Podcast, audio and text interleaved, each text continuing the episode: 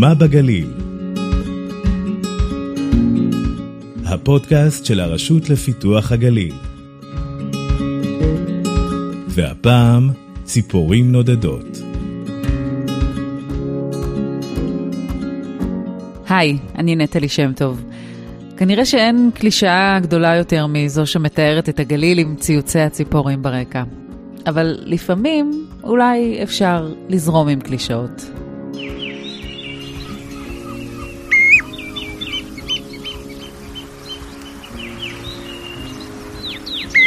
הגליל הוא באמת מקום שהוא לא מאוכלס בצפיפות, והוא מאפשר להרבה יותר טבע לחיות כאן. זאת אומרת, איזה טבע יכול לחיות בתל אביב? פה אפשר לחיות.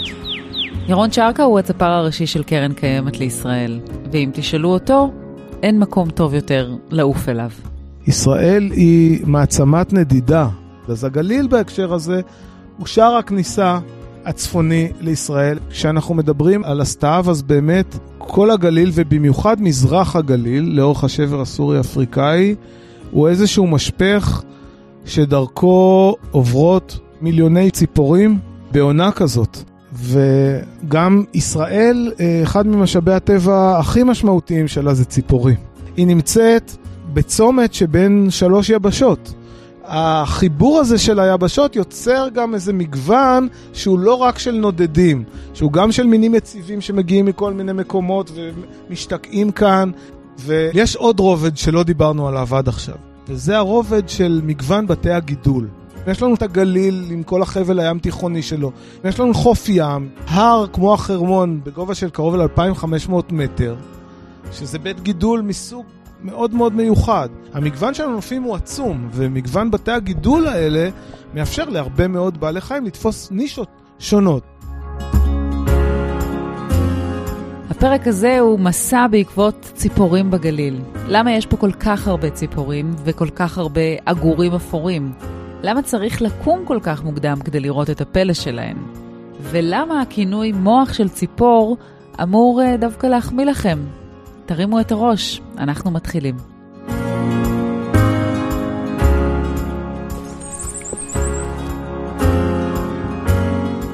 תחנה ראשונה אפשר באמת לדבר על שני uh, צירים מרכזיים, אחד זה הציר המזרחי של השבר הסורי-אפריקאי, שדרכו נכנסת הרבה מאוד תנועה, וציר אחר הוא באמת לאורך החוף. אז uh, אני אתחיל uh, אולי בעמק המעיינות, כי הוא באמת איזשהו המשך של הציר הנדידה הגדול הזה שעובר דרך uh, הבקע הגדול, כן, השבר הסורי-אפריקאי. התחנה הראשונה היא התחנה הדרומית במסע שלנו, אבל עדיין צפונית במסע של הציפורים. הן בדרך לאפריקה.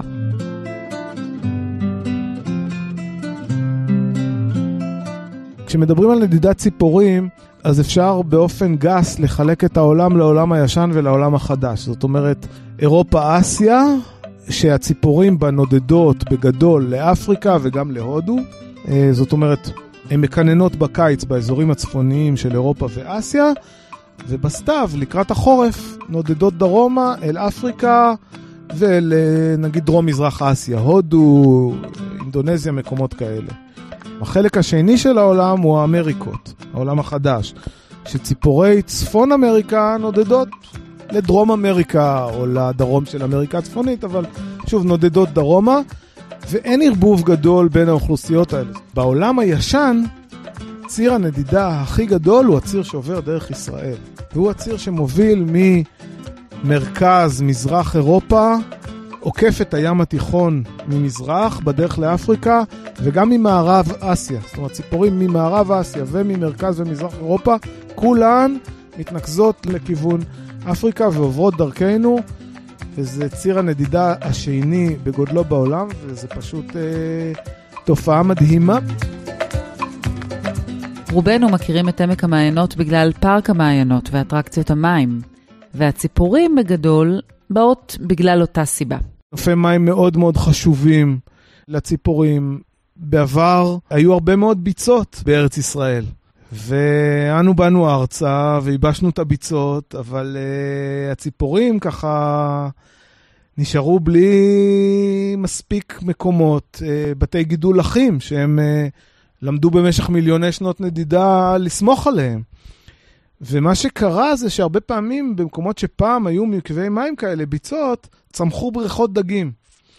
ואז הציפורים למדו לבוא אל בריכות הדגים. אז עמק המעיינות גם הוא מאוד פתוח, הרבה מאוד נופים של שדות, הרבה מאוד בריכות דגים, בתי גידול לחים, ומשמש הרבה מאוד uh, ציפורים, גם בעונת הנדידה, גם בכינון יש שם uh, מינים מיוחדים כמו שרקרקים ירוקים שאנחנו מכירים כמעט רק משם, אבל בחורף מגוון אדיר של uh, מינים, גם הרבה מאוד מזדמנים נדירים, מגיעים אה, לעמק המעיינות ועוד הרבה מאוד ציפורים יפות. אבל איך בעצם הן יודעות להגיע? הרי אף ציפור לא עפה עם מפה ולא עם אפליקציית ניווט ולא מתקשרת עם מגדל פיקוח. וגם החיפוש הזה אחר מקורות המים הוא לא קורה באופן אקטיבי שמוביל בכל שנה למקומות אחרים. אז איך עובד כל הסיפור הזה? זאת שאלת השאלות, איך עובדת נדידת הציפורים הזאת. זה דבר שהוא נחקר על ידי המון מדענים. אנחנו יודעים בהחלט אה, לומר שציפורים משנה לשנה חוזרות לאותם מקומות. גם בכינון, הן חוזרות לטריטוריית הכינון שלהן, וגם לטריטוריית חריפה שלהן, ועדיין יש הרבה יותר שאלות פתוחות. לדוגמה, שאלה, שאלה פשוטה. ציפור אה, קטנטונת כמו עלבית אפורה, ציפור שמקננת בסקנדינביה. והיא שוקלת uh, בין חמישה לעשרה גרם, ציפור קטנטונת, עם uh, מוח במשקל של אני לא יודע מה, פחות מגרם, שבקעה מהביצה במאי בשוודיה. וההורים שלה בכלל מתחילים לנדוד באוגוסט, אבל בספטמבר היא מגיעה לפה. היא נודדת בלילה, היא נודדת לבד, לא בלהקה. איך היא יודעת לנווט, להגיע לפה, להמשיך לאפריקה? לאן היא צריכה לנדוד? אף אחד לא לימד אותה. איך עובר הידע הזה? זאת חידה, אנחנו לא יודעים לענות על זה. מה שבטוח הוא שאם אה, מישהו מכנה אותך מוח של ציפור, זה רק אומר שאתה יכול להגיע רחוק. או במקרה של התחנה הבאה שלנו, לחצות בקלות יבשות.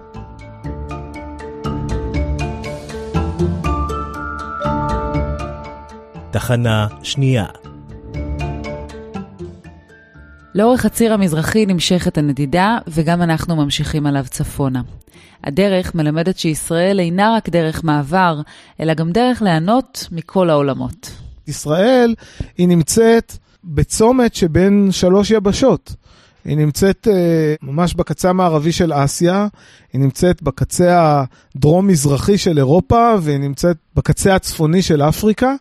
ולכן, גם ציפורים שהן לא נודדות, אלא שהן נמצאות פה כל השנה, או שהן מזדמנות לכאן, זאת אומרת, הנה, עכשיו הגיע לרמת הגולן שני מינים אפריקאים, מינים מאוד נדירים, אי אפשר לומר עליהם שהם נודדים דרכנו. גם אי אפשר לומר שהם חיים פה, כי הם, הם מזדמנים, ככה אנחנו מכנים את הסטטוס הזה. כן, הם, הם במקרה פה, הגיעו. אז גם חסידן ורוד, שזה סוג של חסידה אפריקאית, שבשנים האחרונות אנחנו רואים אותה יותר ויותר בישראל, פתאום נצפה באיזה שלולית בגולן, וחיוויאי להטוטן, שזה גם כן מין אה, נדיר של עוף דורס גדול. שבשנים האחרונות יותר ויותר נצפה בישראל, אבל פתאום עוד פעם הגיע, הגיע לגולן. ובמורדות הגולן, בין אם המושבות למושבות של החקלאים, אפשר גם להציץ על מושבה כזו, של מזדמנים מקננים. אנחנו יכולים לעצור קרוב מאוד לצומת צמח, ליד המועצה האזורית שנמצאת שם אה, בדרום הכנרת, כדי לראות מושבת כינון מאוד מאוד יפה, ממש לאורך הטיילת, אם מסתכלים על הגדה הדרומית של הכנרת, ליד uh, הסכר, ממזרח לסכר דגניה, אפשר לראות מושבת כינון מאוד יפה בעונת הכינון, של ענפות שונות, של מגלנים. אפשר לראות שם לבניות וענפות בקר, מגלן זה ציפור שקוראים לה ככה על שם המקור שלה, שהוא בצורה של מגל. ציפור די גדולה, בערך בגובה של חצי מטר או משהו כזה, עם מקור מאוד ארוך, מקור באורך של כמה עשרות סנטימטרים, והוא מעוקל, מזכיר בצורה שלו מגל, לכן קוראים לו מגלן, ציפור בצבעים אה, של אה, חום ירקרק. אה, מבריק כזה אה, בשמש, זה נורא יפה לעשות עצירה על החוף הדרומי של הכנרת, ממזרח לסכר דגניה, ולראות את מושבת הכינון הזאת על עצי האשל ש... שבתוך המים. אז ישראל היא לא רק ציר נדידה, היא גם בית, מושבה לכינון. ובבית הזה נפגשים בני אותה משפחה, מחליפים חוויות מארץ רחוקה. יש לנו שלושה מינים של שלדגים בישראל. מין אחד הוא מין אפריקאי, שישראל היא גבול התפוצה הצפונית שלו. קוראים לשלדג הזה פרפור עקוד. קוראים לו פרפור בגלל דרך הציד המיוחדת שלו, הוא מרפרף בנקודה אחת, עומד מעל המים, באותה נקודה רואים תנועות כנפיים כאלה מהירות, ואז פשוט מקפל את הכנפיים על הגב וצולל כמו אבן לתוך המים, והמילה התנ"כית המיוחדת הזאת, אה, עקוד, משמשת אותנו בהקשרים של טבע כדי לתאר מינים שהם בצבעים של שחור ולבן. הוא, הוא יציב בישראל, הוא נמצא כל השנה. מין אחר של שלדג שמגיע בישראל מיד אחרי עונת הכינון ועוזב אותה באפריל כדי לקנן באירופה. הוא מין אירופאי, קוראים לו השלדג הגמדי. הוא נמצא פה רוב השנה, כי הוא מסיים לקנן כבר ביוני, אז ביולי כבר רואים שלדגים גמדיים. בישראל נמצאים פה כל החורף וחוזרים באביב לאירופה לקנן. ציפור נורא צבעונית, קטנה, יפייפייה. אבל היא הנציג של אירופה ממשפחת השלדגים. ויש את הנציג של אסיה, שזה השלדג לבן החזה, ציפור אה, עם, עם חזה לבן, נוצות עליונות, הגב והכנפיים מלמעלה הם בצבע כחול מבריק, מדהים ביופיו, מקור מאוד מסיבי אדום, ושאר הגוף חום. הצבעים האלה משמשים אותה להסוואה נהדרת, כי כשהיא עומדת עם כנפיים סגורות ואיזה דג מסתכל עליה מלמטה, או אפילו מכרסם, מצד אגם מכרסמים ודו-חיים, אז היא משתלבת במבט מלמטה עם השמיים, גם הלבן בחזה יכול להשתלב עם השמיים. כשמסתכלים עליה אה, בזוויות אחרות, אז היא חומה ומשתלבת עם העץ או עם האדמה. אז כל הצבעים האלה משמשים גם להסוואה, אבל זה גם ציפור מאוד מאוד מרשימה מבחינת היופי שלה. אז ישראל נמצאת בצומת של שלוש יבשות, וזה נורא יפה להמחיש את זה כשמדברים על שלדגים.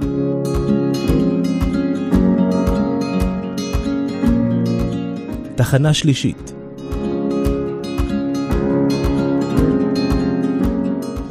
מגובה פני הים אל הגובה. יער ביריה הוא היער הנטוע הגדול בגליל, משתרע על כ-21 אלף דונם, בין צומת מירון במערב לעבר ראש פינה וחצור הגלילית. יש בו את מצודת ביריה ושלל בוסתנים ומעיינות, בית כנסת עתיק, קברי צדיקים, צמחייה עשירה, וכמובן, ציפורים. יער ביריה, יער גדול שקק"ל אה, נטעה ומחזיקה, יער שנפגע מאוד במלחמת לבנון השנייה, משרפות, יער שנפגע בסופות שלג, אבל באמת יער מאוד מאוד אה, מגוון ומעניין, והוא גם כן יכול להיות אה, מקום מדהים לתצפית בציפורים, גם בנדידת הסתיו וגם בחורף. מקום שאני יכול להמליץ לעמוד בו ולראות את זה, זה מצפה אורי, שנבנה ביער ביריה על שם אה, אורי סמואלוב, שנפל בשנת 1998 בלבנון, והמצפה הזה הוא יכול להיות נקודת תצפית מאוד מאוד טובה על הדורסים. וביריה גם יכולה להיות אתר צפרות נפלא בחורף. היא ידועה כמקום הכי טוב לראות מלכילון, מלכילון האורנים. זה הציפור הכי קטנה שאפשר לראות בישראל, ציפור ממש קטנטנה ששוקלת איזה חמישה גרם, כמו שקית סוכר. ציפור קטנטונת, אה, מאוד מאוד זריזה, שאוהבת את הארזים שיש אה, מעל עין גוזי. גם כן קרוב מאוד למצפה אורי שהזכרנו קודם. יש שם חורשת ארזים ותיקה, ודווקא שם, בחורשה הזאת, אפשר לראות ובעיקר לשמוע את המלכילונים. היער פתוח כמובן בכל שעה, אבל כדי לראות את מופעי התעופה, תצטרכו לקום מוקדם. הציפורים הרבה יותר פעילות בבוקר, זאת אומרת, הם uh, לא אכלו כל הלילה, ועכשיו uh, צריך לצאת לפעילות. אז לכן הן יותר פעילות, יותר רואים אותן, יותר שומעים אותן, גם בגלל שיותר uh, שקט, אבל את מחברת אותי באמת לעולם של הציפורים שהן נודדות בעיקר בלילה, בכלל לא ביום. חלקן הן ציפורים דועות. שהרבה פעמים רואים אותם אה, בצירים מאוד מאוד מוגדרים, הן נודדות גם ביום, הן גם גדולות, אז הן יותר נראות. חלקם הגדול הוא דווקא ציפורים אה, מאוד מאוד קטנות. ציפורי השיר של הציפורים הקטנות שנודדות בתעופה אקטיבית, בנפנופי כנפיים, בעיקר בלילה. ואז אנחנו לא רואים אותם בנדידה אקטיבית. אלא אם כן אנחנו מתעוררים נורא מוקדם בבוקר ופתאום רואים משהו שעוד נשאר מהלילה. להבדיל מהעופות הדואים, שלא יכולים להשקיע את כל האנרגיה הזאת בנדידה, ולכן הם נזקקים לטרמיקות, לזרמי אוויר חמים שעולים מהאדמה רק כשהשמש מחממת אותה. אז מי שיתייצב באמת מוקדם ירוויח פעמיים, את תכרית הנדידה הלילית של הציפורים הקטנות ואת היציאה לדרך של הדורסים הגדולים. אם באים לשם אה, בבוקר, בשעה שמונה, תשע, אפשר לראות התרוממות מלינה של עופות דורסים, הרבה מאוד אה, דורסים כמו איות צרעים, ציפור שמוטת הכנף שלה, זאת אומרת, אם מודדים מק, מקצה כנף אחד לקצה הכנף השנייה, סדר גודל של מטר וחצי. ציפור בצבעים של חום ואפור, עם חלונות בהירים בכנפיים, הרבה פעמים אפשר לראות עין צהובה. בעיקר אצל הבוגרים, אם רואים אותם בגובה נמוך כמובן, כמו שאפשר לראות במצפה אורי, ואיתי חורש שנודדים אה, בכמויות מאוד מאוד גדולות בסתיו דרך ישראל. כל האוכלוסייה העולמית של עית החורש נודדת כל סתיו דרך מדינת ישראל. אנחנו מדברים על אה, סדר גודל של אה, 120 אלף פרטים, ציפור גדולה, כבדה, מסיבית. כהה מאוד, מין גוון של חום שוקולד, כבר קרוב לשחור. ציפור שמוטת הכנף שלה היא מעל שני מטר. ממש כבר אה, עוף אה, גדול. אז עטי חורש שנודדים פה, נוחתים ללינה ביער ביריה. שוב, הם נודדים ביום, הם צריכים את הזרמים החמים, את הטרמיקות, וברגע שהשמש שוקעת הם חייבים למצוא מקום לינה, והמקומות לינה המועדפים עליהם זה יערות. ויער ביריה, אם תרצו, הוא מגדל הפיקוח של האזור. למול עיני המשכימים נגלה לוח חי של המראות ונחיתות. ובחודשים הנכונים זה גם מרגיש לוח חי עמוס במיוחד. שיא התנועה האווירית זה בספטמבר-אוקטובר. התנועה האווירית מתחילה כבר באוגוסט וממשיכה גם בנובמבר. עונת הנדידה של הסתיו היא עונה שככה קצת מתמשכת, בגלל שלמעשה ציפורים מסיימות את הכינון, ויש להם מספיק זמן עד החורף כדי להגיע לאפריקה, והן לוקחות את הזמן. העונה של האביב היא יותר קצרה, היא מתאפיינת בלחץ הרבה יותר גדול מצד הציפורים. שלחוצות להגיע כבר לאתרי הכינון שלהם, שלא יתפסו להם את הטריטוריה שלהם, אז הם, הנדידה היא הרבה יותר אינטנסיבית. בסתיו אנחנו הרבה יותר בשנטי. ולכן העונה הזאת גם מתמשכת יותר ונמשכת על אוגוסט, ספטמבר, אוקטובר, נובמבר. בגדול, כש, כשספטמבר ואוקטובר זה, זה השיא שלה מבחינת מעברים. לעלות לביריה בסוף uh, ספטמבר או בתחילת אוקטובר, בתקופת השיא של הנדידה של עית החורש, או גם בתחילת ספטמבר, כשזה עונת השיא של נדידת איית הצרעים, ולבוא לראות אותם בבוקר, בשעה 8-9, מתרוממות, בגובה נורא נורא נמוך, הנדידה עצמה קורית בגבהים עצומים של קילומטר או משהו כזה, ואז הם נראים כמו זבובים קטנים בשמיים. אבל לראות אותם בגובה הזה, כשהם עוד מחפשים את הזרמים החמים בגובה נמוך, זה מחזה שיכול להיות מאוד מאוד מרהיב בימי שיא של, אה, של נדידה.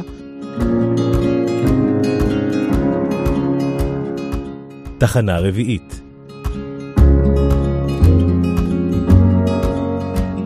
ואם כבר שיאים של נדידה, התחנה הרביעית, התחנה האחרונה שלנו היא במונחים של תחבורה, תחנה מרכזית אגמון החולה.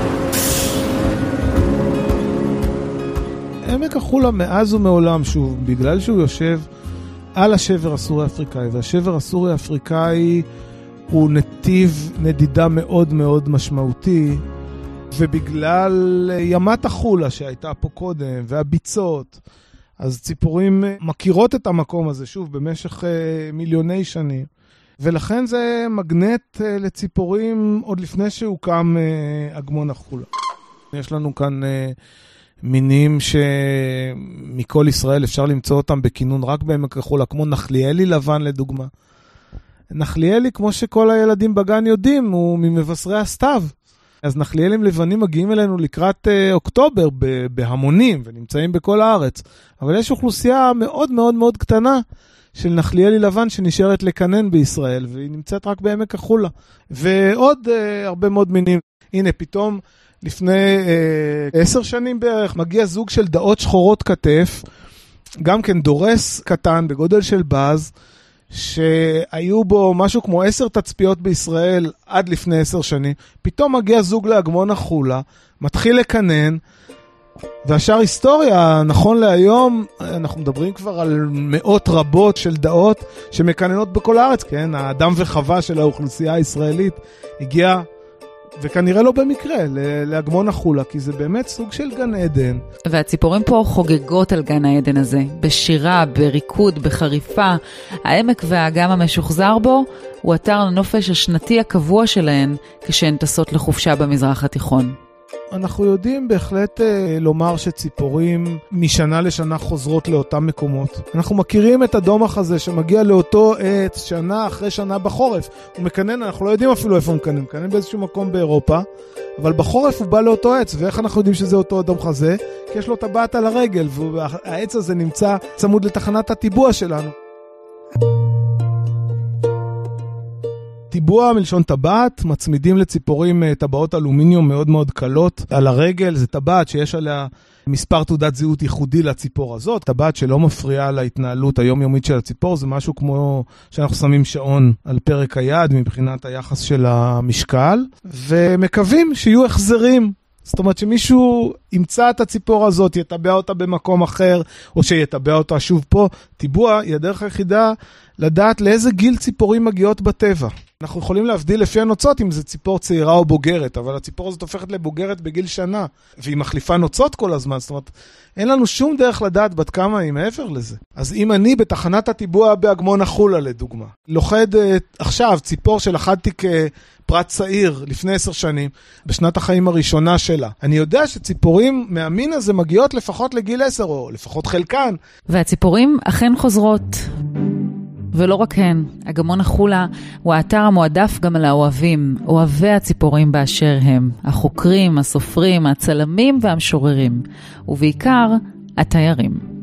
צפרות זה תחום שלפי הערכות מדברים על סדר גודל של 100 מיליון אה, צפרים בעולם. אז, אז באמת יש ציבור רחב מאוד בעולם, וגם יש טרנד של אה, גידול בציבור הזה, והרבה מאוד אנשים שעושים תיירות של ציפורים. באגמון החולה, שקרן קיימת הקימה אותו באמצע שנות ה-90, וכבר ממש מהשנה השנייה שלו הוא הפך להיות מושכן אדיר, בעיקר בגלל העגורים האפורים שנמצאים פה בעשרות אלפיהם. והוא גדל משנה לשנה. אנחנו מדברים uh, בשנים האחרונות על סדר גודל של 400-450 אלף מבקרים uh, כל שנה. ואגמון החולה הוא אתר תיירות שאטרקטיבי לאו דווקא בעונות הנדידה, אלא כל החורף. למעשה, עד סוף אפריל נגיד, יש לנו עוד עגורים. באגמון כבר לא כל כך במסות גדולות באפריל, אבל המסות הממש גדולות של עשרות אלפי עגורים שמושכות קהל מאוד מאוד רחב, הן נמצאות כל החורף, כשחורף מתרחב גם לסתיו ואביב קצת. וזה העניין הגדול פה. לא רק המסות של התיירים, אלא גם מה שמושך אותם, המסות של העגורים. וזה לא רק עניין גדול, זה גם עניין שהולך וגדל משנה לשנה למורת רוחם של חקלאי העמק. אנחנו רואים את העלייה במספרים כל שנה. הסיבות לעלייה הזאת הן כנראה מגוונות. קודם כל, יש גידול באוכלוסייה העולמית של הגור אפור. זאת אומרת, המין הזה מצליח מאוד בעולם, והמספרים שלו הולכים וגדלים. כנראה בגלל שיש פחות ציד, העולם נהיה קצת יותר מתורבת, אז פחות צדים אותם. אנחנו רואים הרבה יותר עגורים אפורים ברמה העולמית. מעבר לגידול הזה, יש עוד דברים שקורים, יש שינויי אקלים. וכנראה כתוצאה משינויי האקלים האלה, הרבה יותר עגורים מחליטים שלא שווה לעוף עד אפריקה לחורף, אפשר להישאר פה. כי כבר חמים ונעים, ואולי גם בית הגידול באפריקה עובר כל מיני אה, שינויים לא לטובת העגורים. זאת אומרת, האפריקאים נהיים טיפה יותר מתועשים, פתאום בביצות של אתיופיה צומחות חממות של ורדים, שאין בהם מקום לעגורים. ואז יותר ויותר משנה לשנה עגורים נשארים uh, בחורף. אנחנו הגענו למצב של 50-60 אלף עגורים שחורפים כאן, ממספרים של uh, מאות בשנות ה-90, ואז נוצר באמת הקונפליקט עם החקלאים. אז הנדידה ההמונית של העגורים היא למעשה משק כנפיים בצידו האחד של העולם, שמורגשת היטב בצד השני. ואולי זה בעצם כל הסיפור הקסום והקוסמי של הציפורים, על הארצות אשר מעבר להרים, כפי שכתבה נעמי שמר. ואילו הן היו דוברות כבני אדם, אולי כך היו נשמעות המילים. העולם הזה הוא, כמו שאת אמרת, הוא קסום ומופלא, ומכאן חשיבותו. זאת אומרת, אנחנו, אנחנו פה עם אחריות נורא נורא גדולה כמין אנושי, לשמור על הדבר המופלא הזה שקוראים לו כדור הארץ. יש לנו היום בעיה רצינית של מגוון ביולוגי, יש לנו הרבה מאוד מינים שנכחדים, שנעלמים, שמתדרדרים, וכתוצאה מכך מתדרדרים השירותים שאנחנו כמין אנושי מקבלים. עכשיו, איפה הציפורים בכל הדבר הזה? יש גם ציפורים שנכחדות, אבל כשמדברים על הכחדה מסיבית, זה לא באמת ההכחדה המסיבית של ציפורים. גם זה קורה. ציפורים הם אינדיקציה מאוד מאוד טובה למצב המערכת האקולוגית הכללית. כי, כי זה הכל מארג אחד של חיים ושל מזון. זאת אומרת, אם, אם יש הרבה ציפורים ומגוון של ציפורים, אז כנראה שיש גם מגוון של חרקים שהם יכולים לאכול, ופירות שהם יכולים לאכול, ותנאים אחרים. אז הציפורים הם ביו-אינדיקטור נורא נורא חשוב. אז בכל פעם שאתם שומעים ציפור מצייצת, משהו מסביבכם כנראה עובד כמו שצריך. ובכל מקרה, תקשיבו היטב, היא כנראה אומרת לכם משהו על העולם. אנחנו סוגרים כאן את הפרק. השמיים, שמי הגליל, נשארים פתוחים, גם במזרח, בצוקי הגולן, בגמלה, בחרמון, גם במערב, בראש הנקרה, בחוף אכזיב היפה, גם לאורך נחל נעמן שליד כפר מסריק, עם נופי המים משם, בשדות שהחליפו גם שם את הביצה. תודה רבה לירון צ'רקה שליווה אותנו לאורך המסע הזה, גם על הצלילים, גם על המילים וגם על ציוצי הציפורים שהוא התאים לנו לפס הקול של כל תחנה. תודה לשיר בראל מקהילת המוסיקאים של ראש פינה, על הקטע מתוך "אל תקרא לי אלה", השיר שלה בפרויקט שיר מקומי בהפקת אור סער, יש עוד הרבה מהם ברשת, חפשו אותם. אנחנו ניפגש בגליל, גם בפרק הבא כמובן. ביי ביי.